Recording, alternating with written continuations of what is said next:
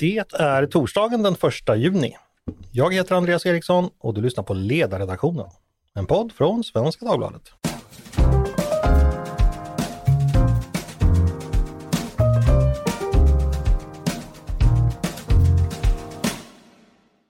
Varmt välkomna till oss denna den första ljuva junidagen.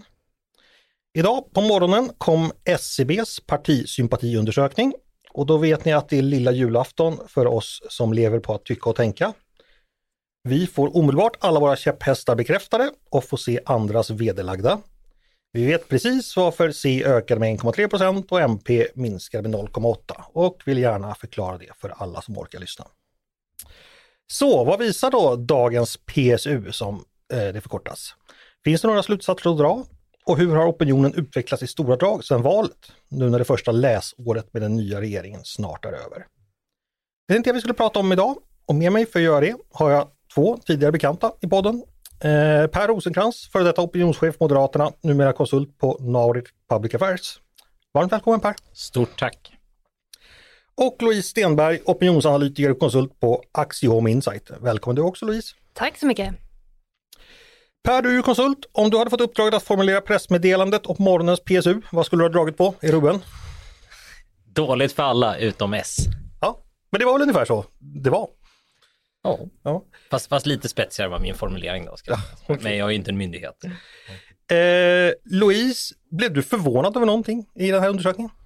Nej, faktiskt inte. När vi har eh, prognostiserat vad vi trodde att det här skulle landa i så hamnade det just på de här nivåerna och eh, framförallt då att S har gått upp väldigt mycket mm, jämfört med förmätningen och det är inte så mycket som är superförvånande i det här. Nej. Eh, vi ska börja prata om resultatet, tänkte vi ska börja på blocknivå. Eh, det har gått fortsatt dåligt för Tidöpartierna eh, jämfört med förra undersökningen.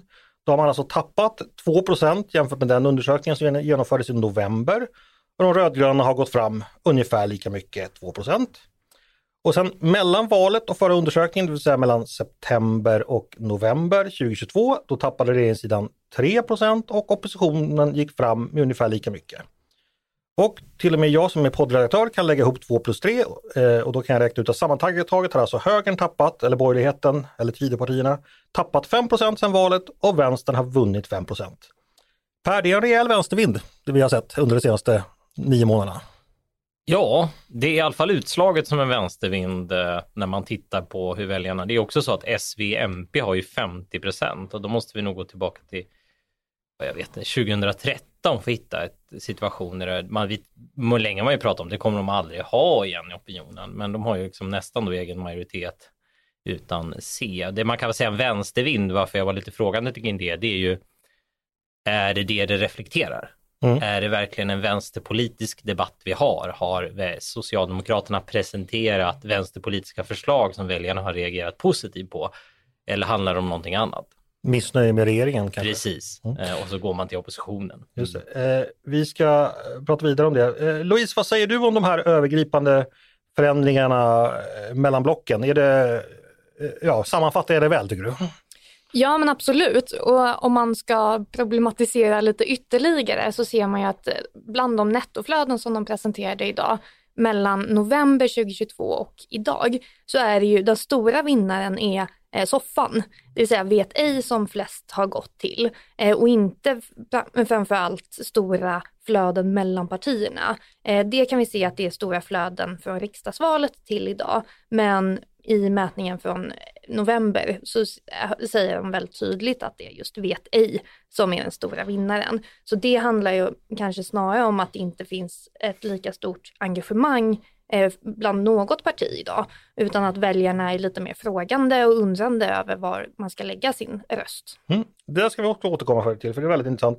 Jag ska bara kort eh, ytterligare om det här blocknivån. Per, du twittrade tidigare idag att eh, den gamla alliansen nog aldrig har legat så lågt sammanlagt. Förstod, var det så?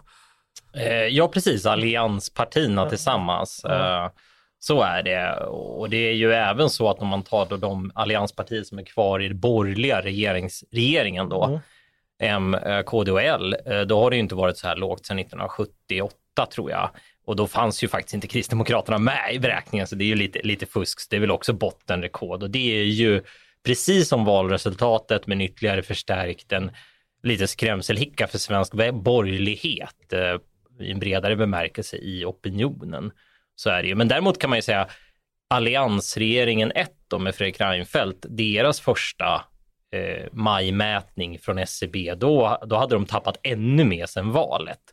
Så man kan ju hitta sådana här jämförelsepunkter. Det finns Det har varit jävligare Ja, det har varit jävligare, men då, då tappade man ju från en liksom, högre nivå kan man ju säga, större väljarrörlighet och så. Men det är alltså inte en rekorddålig start. Trots de här extrema siffrorna är det faktiskt ingen rekorddålig start för regeringen, beroende lite på hur man räknar. Moderaternas före detta opinionschef vet att säga att glaset är halvfullt ibland.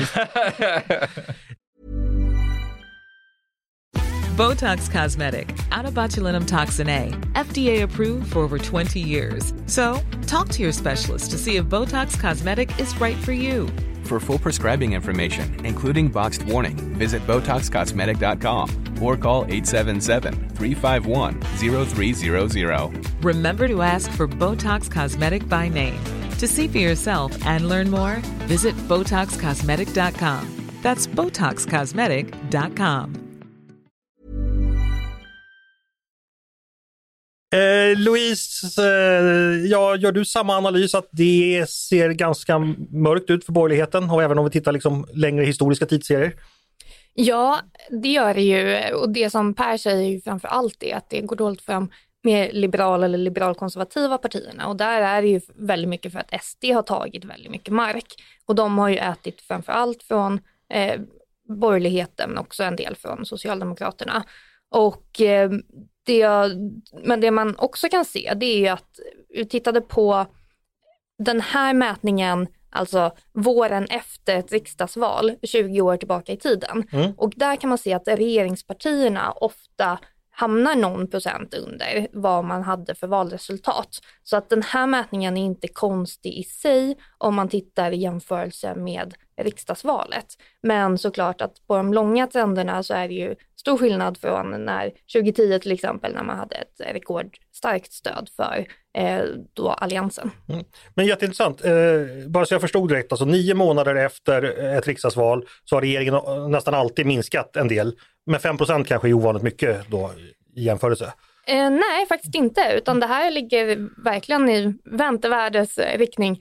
Eh, och det är egentligen bara 2018 som man såg en liten, liten, liten ökning. Eh, men annars har det legat på ungefär att man har tappat mellan 3 och 15 eh, procent av sina egna väljare. Mm. Eh, så inte i absoluta tal utan av sina egna väljare. Ja men Jätteintressant, för jag såg ju då att eh, Martin Borgs, Moderaternas biträdande partisekreterare, var ute och eldade på de egna trupperna på Twitter och då berättade han just den här mätningen som du nämnde Per, 2007 i maj. Det var väl i samband med den ungefär som Sören Holmberg sa att regeringen var rökt och ja, ett väldigt berömt uttalande som han sen då har fått äta upp sedan dess i 16 år. Eh, och sen gick det ju ganska bra i valet 2010. Eh, Eh, hur relevant är den jämförelsen Per tror du? Nej, men jag tror att den, den är ju relevant såklart. Det är ju relevant att påminna sig om att det är vanligt att man får en dålig start. Det är relevant att påminna sig om att vi sitter i början på mandatperiod. Ta till exempel Löfven 2, eh, det vill säga förra mandatperioden, vid den här tiden så började det se ganska dåligt ut och vid årsskiftet då 2019-2020 så var Sverigedemokraterna i opinionen större än Socialdemokraterna. Sen kommer pandemin. Sen byter man Stefan Löfven till Magdalena Andersson och sen kommer Ukraina-kriget och nu är Socialdemokraterna där de är. Så att det, mycket kan ju verkligen också hända, för det ska man komma ihåg. Det var ju inte som att ingenting hände, utan det som hände 2006 till 2010 var ju att finanskrisen kom emellan, så att säga. Så jag tycker att det är jättebra att göra den analysen och ha med sig det. Dock får man ju inte fastna heller i, och det menar jag inte att någon har gjort, jag menar bara mentalt, man får ju heller inte fastna i att till exempel sådana här resonemang. Alla sittande regeringar har blivit omvalda utom Bildt 91 så att säga. Så därför kommer vi med 97% sannolikhet att bli omvalda. En dålig start har alla andra fått, så det kommer vi också mm. få. Och ibland kan jag känna faktiskt lite grann att många som var med i valet i höstas, då var det så, allt pekade åt fel håll i opinionen. Sen fanns det vissa underliggande faktorer som vi var några som lyfte fram som pekade på maktskifte. Men eftersom att man då vann trots att ingen trodde man skulle göra det, så har man blivit lite immun mot opinionssiffrorna och känner att ja, ja, men det här kommer ju säkert gå vägen igen, för det gjorde det förra gången. Och man får inte luta sig tillbaka, för väljarna signalerar någonting om regeringens bekymmer här också, tycker jag. Mm. Ja, du nickar Louise, du, du håller med om detta? Ja, absolut. Och, och en grundläggande sak när det kommer till opinionsmätningar är just att det är en ögonblicksbild. Det är inte en historisk exposé, eh, det som Per är inne på. Så att eh, man ska ta det för vad det är och vad det faktiskt kan det ge en prognos? Nej, det kan det inte. Kan det säga hur det ser ut idag? Ja, det kan det. Mm. Eh, vi ska prata lite mer om eh, vad det kan finnas för orsaker till det som har hänt. För att eh, det är ju så att Socialdemokraterna har ju gått väldigt starkt framåt i valet. Och Per, ja vad handlar det om? Du, du antydde tidigare att det kanske inte är så jättemycket att Socialdemokraterna har presenterat en så populär politik som, som någonting annat. Vad gör du för analys av Socialdemokraternas framgångar? Dels fortsätter man att rida på den framgångsråg som man hade i valet. Eh, det har vi sett tidigare att eh, partier som har gjort en stark valrörelse lever på den lite. Minns förra valet med eh, Ebba Busch Thor, då Ebba Busch Thor, och Kristdemokraterna, de levde ju på fram till Europaparlamentsvalet, då var de uppe i 15 procentenheter. Så att den här effekten av att man går stärkt ur en valrörelse, vilket S gjorde trots att man inte fick med sig mandaten på sin sida. Och det handlar ju mycket om Magdalena Andersson, förtroendet för Magdalena Andersson. Det är det ena. Det andra är ju ekonomin. Ekonomin avgjorde, tror jag i alla fall, lite på marginalen till den dåvarande oppositionens sida. Det vill säga, men hushållen märkte att de hade sämre ekonomiskt läge, elpriser och så, och så tiltade det över för maktskifte. Men nu sitter ju själva regeringen där och ökad inflation, fallande reallöner, eh, höjda räntor.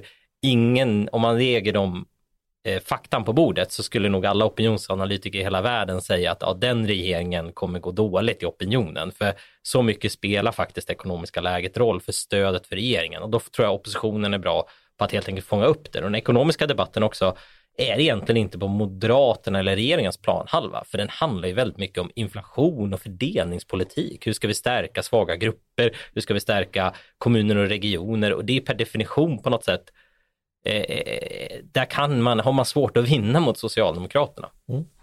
Eh, vad vi också såg då nu i den här PSU, det var förutom Socialdemokraterna var det tre säkerställda förändringar, eh, ganska små men dock säkerställda. Det var då att C, L och KD minskar.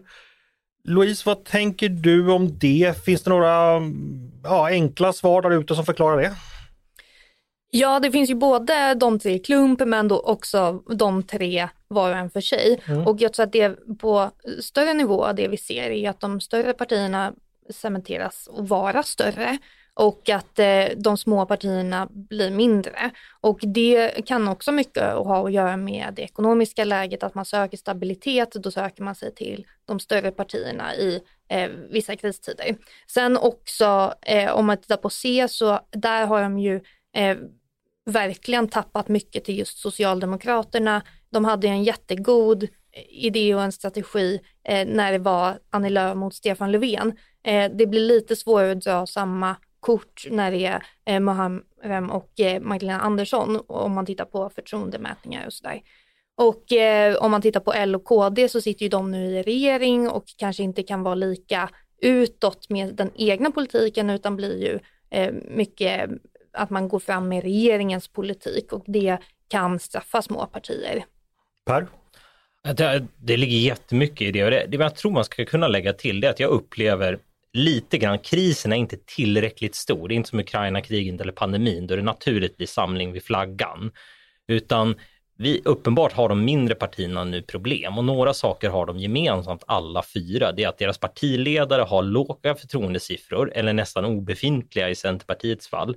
Det här är bara fakta, det är inte liksom något elakt. eh, och i andra fall som Kristdemokraterna har man kraftigt fallande förtroendesiffror. Det är det ena. Det andra är att man har otroligt svårt att slå, ut, slå igenom och det visar Sifo, Sveriges Radios mediemätning. Det visar att fortfarande efter valet så är det två partier som dominerar en majoritet av all digital media, podd och nyhetsmedier och det är Socialdemokraterna och Sverigedemokraterna. Regeringen har bara 28 procent ungefär av medieutrymmet, vilket är ett lågt andel. Eh, och efter Moderaterna så kommer de andra partierna på mycket, mycket svåra nivåer. Så vi har i ett landskap där det finns en konfliktlinje fortfarande mellan S och SD. Jag tror att det straffar regeringen som helhet, kan vi prata mer om, men framförallt straffar de här små partierna. De har inte lyckats slå igenom i det här med några enskilda sakfrågor eller företrädare. Så de har ett tufft läge och det kan man säga, det är långt till nästa val, absolut. Men någonting mer signifikant tycker jag att det här säger om deras position. För fyra partier som det går dåligt för samtidigt, så brukar det inte vara. Mm. Nej, och det där handlar ju också väldigt mycket om att nu finns det tre stora partier helt plötsligt. Det har det inte gjort historiskt, utan då har det varit M och S som har äm, varit de två stora och stabila partierna. Och så har det varit några mindre partier, men de har ändå legat på ganska bekväma nivåer på mellan 5 och 8 procent. Eh, 2010 så var ju MP Sveriges tredje största parti med 7,3 procent eh, i riksdagen. Och det är svårt att tänka sig idag att det skulle se ut på det sättet. Och det gör ju att om man vill rösta på ett mindre parti så finns det ju många fler som då eh, verkligen har den här krisstämpeln på sig och vad ska man välja mm. av dem när det är fyra partier som ligger verkligen och skvalpar vid 4% spärren För det är ingenting vi har sett tidigare och då läggs ju mycket av mediefokuset just på det, vilket kanske vi bidrar till just nu. Men eh, Ja fast i den här podden har vi ju alltid varit noggranna med att eh, Folkpartiet, eh, förlåt, Liberalerna ska ha sin, sin plats. Eftersom de har plats nära mitt hjärta så finns de också i podden. Nej, jag bara skojar, vi behandlar alla partier lika här. Eh, per, vi har redan varit inne lite på eh, väljarströmmar nu. Eh, Louise nämnde det här med den som går mellan C och S och då har man sett att var tredje centerväljare har gått till Socialdemokraterna sedan valet. Eh, vi nämnde då partiledarfrågan, att det skulle kunna vara en sak. Finns det annan förklaring? Går C-väljarna före sitt parti vänsterut rent av eller vad, vad händer? De har, det kan man faktiskt säga lite. Nej men det som sker det är ju de flesta partibyten sker mellan partier som ligger nära varandra. Det är precis som när man flyttar, de flesta som flyttar flyttar till närområdet. Mm. Eh, så om ett parti positionerar sig nära ett annat parti så sänker man tröskeln för väljarrörelser. Mm. Precis som Moderaterna har gjort gentemot Sverigedemokraterna när det har inlett ett samarbete så ser vi ökad rörelse däremellan och då kan man bli vinnare eller förlorare på den rörelsen. Och S gjorde ett C gjorde ett strategiskt val att lägga sig närmare Socialdemokraterna och då ser vi att man lockade till sig en ny typ av väljargrupp som var mer vänster mittenorienterade.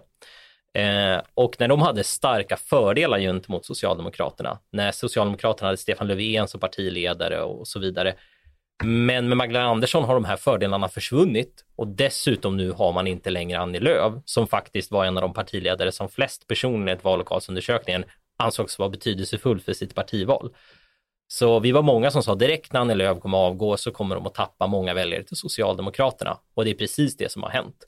Så den stora utmaningen nu det är vilka andra väljare ska de vinna och hur ska de kunna vinna tillbaka väljare från Socialdemokraterna. Men det är alltså inte bara partiledarskiftets fel utan det är den här ompositioneringen när man nu tillhör, enligt väljarnas vidkommande, den här rödgröna sidan. Och då kommer vi se det här utbytet och då har man en jättetuff motståndare just nu i Socialdemokraterna som är så populära bland de här mitten till vänsterväljarna. Mm.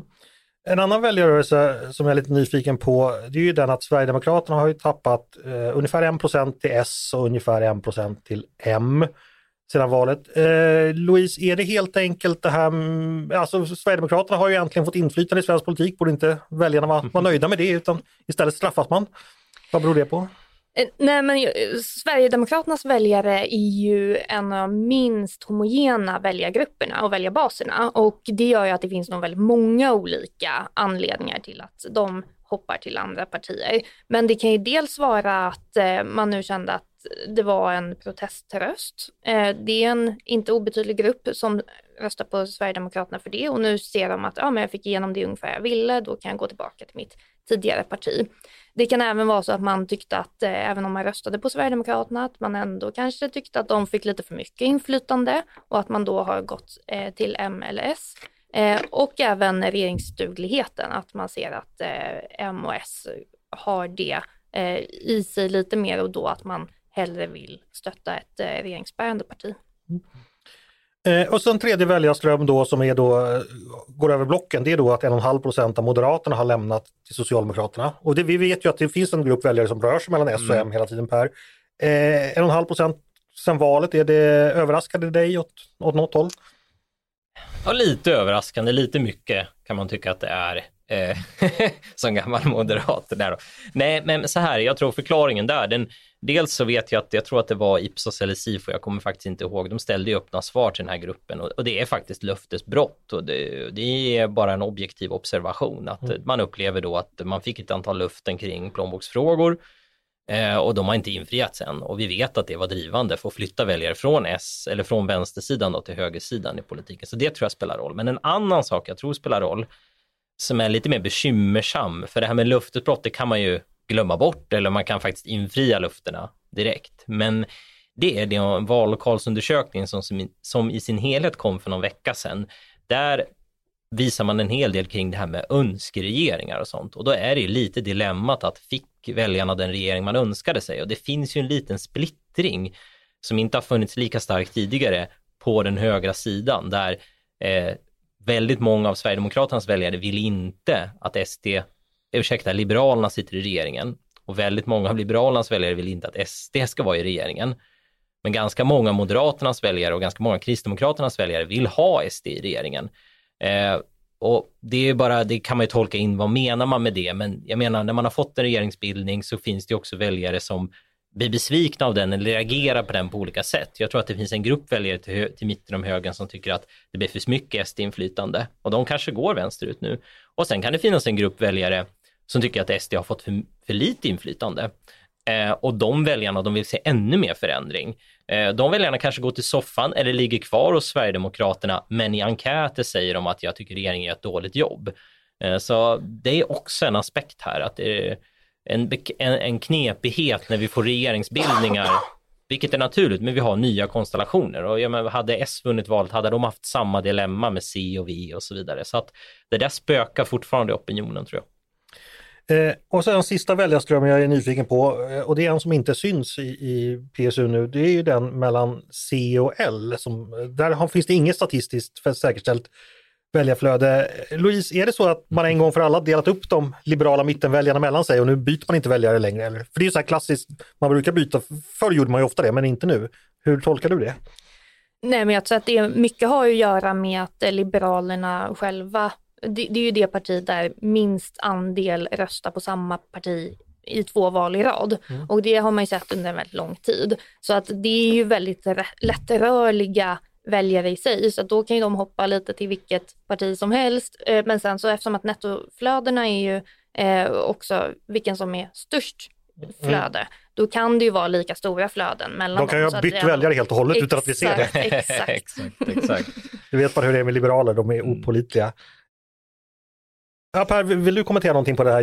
För, för jag tänkte, när vi satt någon gång före valet så diskuterade vi var finns det blockbytare mm. någonstans och då var det dels att det finns människor som går mellan de stora partierna. Mm. Och så pratade vi också om att det finns en mindre grupp, men dock viktig grupp som även går mellan C och L, eller i alla fall förut var det så. Eh, finns det någonting att säga om det? Vad, hur, hur ser den typiska blockbytaren ut idag? Oj, ja, där är också då vallokalsundersökningen kom ju nyss och det fanns ju ett eh, i sin helhet och det, det, finns ju ett nettoflöde från Centerpartiet eh, till eh, Moderaterna från valet 2018 till 2022. Så där fanns det ett tydligt nettoflöde av sådana väljare och då kan man tänka sig att på grund av det måste bli netto, för så tror jag även några gick till Liberalerna. Så man kan se ML i ett litet kluster där, så man vann nog den den striden faktiskt om de här mitten höger liberalerna. Men de andra stora sydbytargrupperna, det var ju faktiskt LO-arbetare eller arbetare eh, som, som bytte sida då från Socialdemokraterna till Sverigedemokraterna. Och sen har vi en, kan man kalla den för en sidbytargrupp, för vissa av dem har aldrig röstat förut, men det var de unga väljarna. Mm. Eh, vissa hade inte röstat, kanske röstat ett val och någon, några hade inte röstat alls, men de var ändå öppna för båda alternativen till del och eh, visade sig att ja, de, de, valde olika partier, men primärt då Moderaterna och Sverigedemokraterna i, på valdagen. Så det är tre sådana här blockbytargrupper som är lite i sig olika och, och kanske lite överraskande. Mm.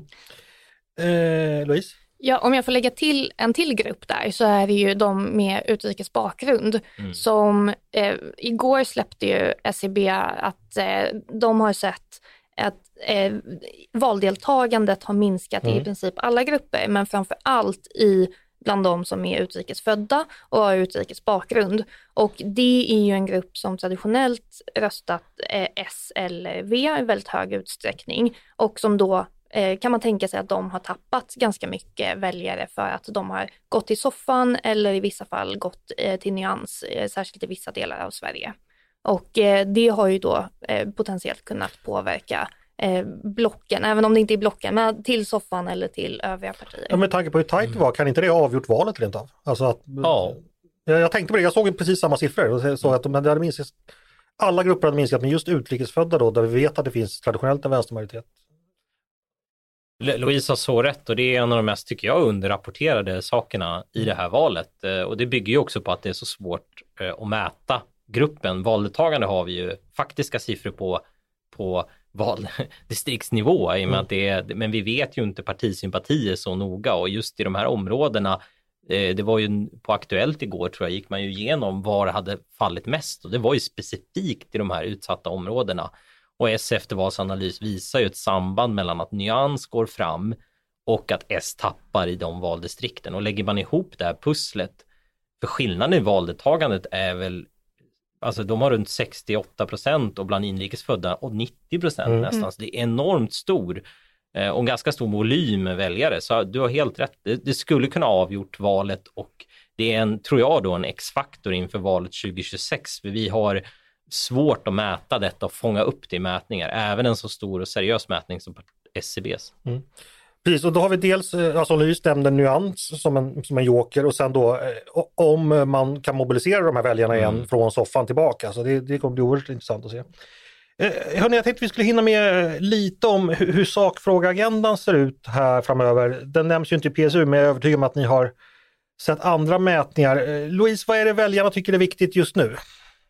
Ja, det är inte lika tydligt som det har varit tidigare. Ofta är det att man pratar om en stor fråga i taget. Det har varit pandemin, det har varit krig, det har varit eh, det ena och det andra. Men nu under den här våren har vi sett att det har varit ett lite splittrat fokus mellan just eh, krig, Uk- eh, alltså kriget i Ukraina, eh, inflation, det har varit eh, elstödet, det har varit eh, miljö och klimat som vi pratat om mycket, kärnkraften, Eh, mycket också de här kulturkrigsfrågorna som har varit uppe på tapeten. Eh, säkert någon mer som jag inte kommer att tänka på just nu. Men eh, det har gjort att väljarna kanske inte haft det här väldigt stora engagemanget för politiken för att man behöver ta ställning i så många frågor samtidigt och kanske inte då finns något parti som fångar exakt den känslan som man själv har. Och jag tror att det är det som kan hänga ihop med det som jag inledde med, att det är just eh, vet ej, det vill säga soffan, som är den stora nettovinnaren i den här mätningen. Per, vad säger du om hur sakfrågorna utvecklas?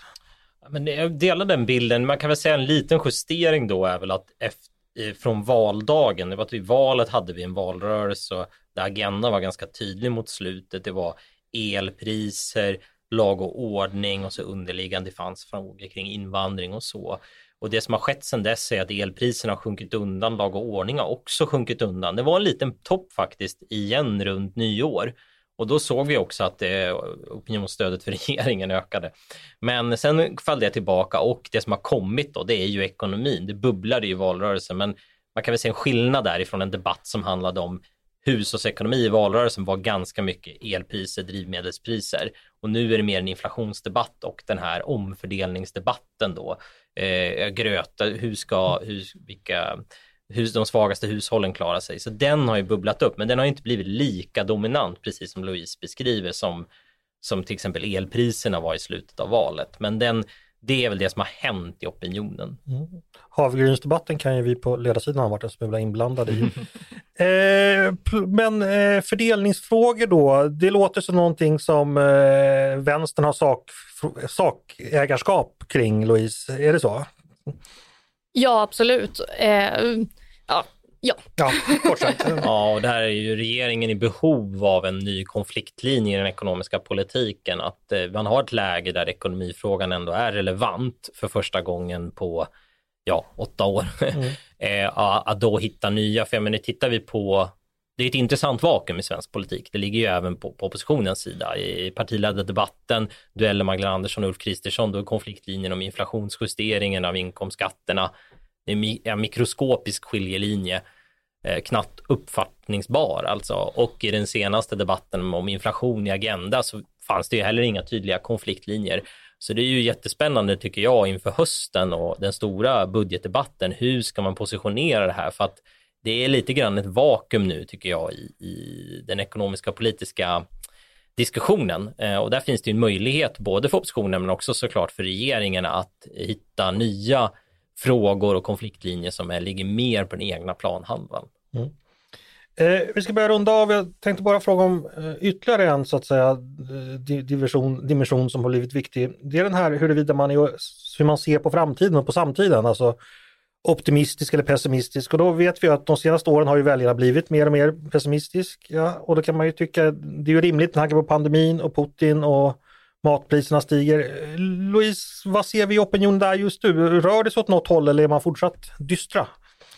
Jo, men det är fortsatt eh, dystert och vi mäter den här frågan också och vi har liksom eh, bottennotering på bottennotering på bottennotering att folk är mer och mer pessimistiska och det hänger ju såklart ihop mycket med ekonomin och med eh, kriminaliteten såklart, som jag glömde nämna tidigare, men den är ju såklart en av de stora frågorna som man diskuterar nu och också en orolig omvärld. Eh, och, eh, men med det sagt så är det ju många som i grunden är optimister och vill vara optimister, även om man just nu ser att det ser pessimistiskt ut. Så att ett tonläge eh, som är väldigt hårt och eh, pessimistiskt grundat nu eh, matchar kanske inte vad många väljare vill ha för typ av eh, vision framåt och för typ av politik och eh, det språk som man pratar om i samhällsdebatten. Eh, och så där ser vi väl någonting att det, det finns en liten eh, dissonans mellan vad man faktiskt ser och vad man skulle vilja ha. Eh, vad säger du Per om optimism och pessimism? Eh, var är pessimismen störst i vilka väljargrupper? Och det här är ju det jobbiga för den borgerliga sidan, för det är ju så här jätteroligt om man tittar på, eller roligt, det beror på hur man, man, vad man har för typ av humor, men om man tittar på regeringsskiften, eh, klassiska regeringsskiften som 2014 till exempel, Eh, då var det Socialdemokraterna hade ju som valslogan då, någonting har gått sönder i Sverige. Eh, och eh, deras väljare var jättekritiska. Och direkt när Löfven tillträdde som statsminister vände det på, på ett femöring mm. och eh, S-väljare och vänsterväljare blev jätteoptimistiska till utvecklingen. Så så länge som S styr är man nöjd mm. med sakernas tillstånd den lyxen har inte borgerliga statsministrar, utan där har man alltid haft en mer, en liten hejaklack, men den stora gruppen borgerliga väljare är mer skeptiska och går på, de är övertygade, som vi har inte sett att de har blivit lika positiva om maktskiftet. Eh, och den mest kritiska delen är ju fortfarande en grupp sverigedemokratiska väljare som är otroligt pessimistiska kring till, till Sveriges utveckling och så vidare.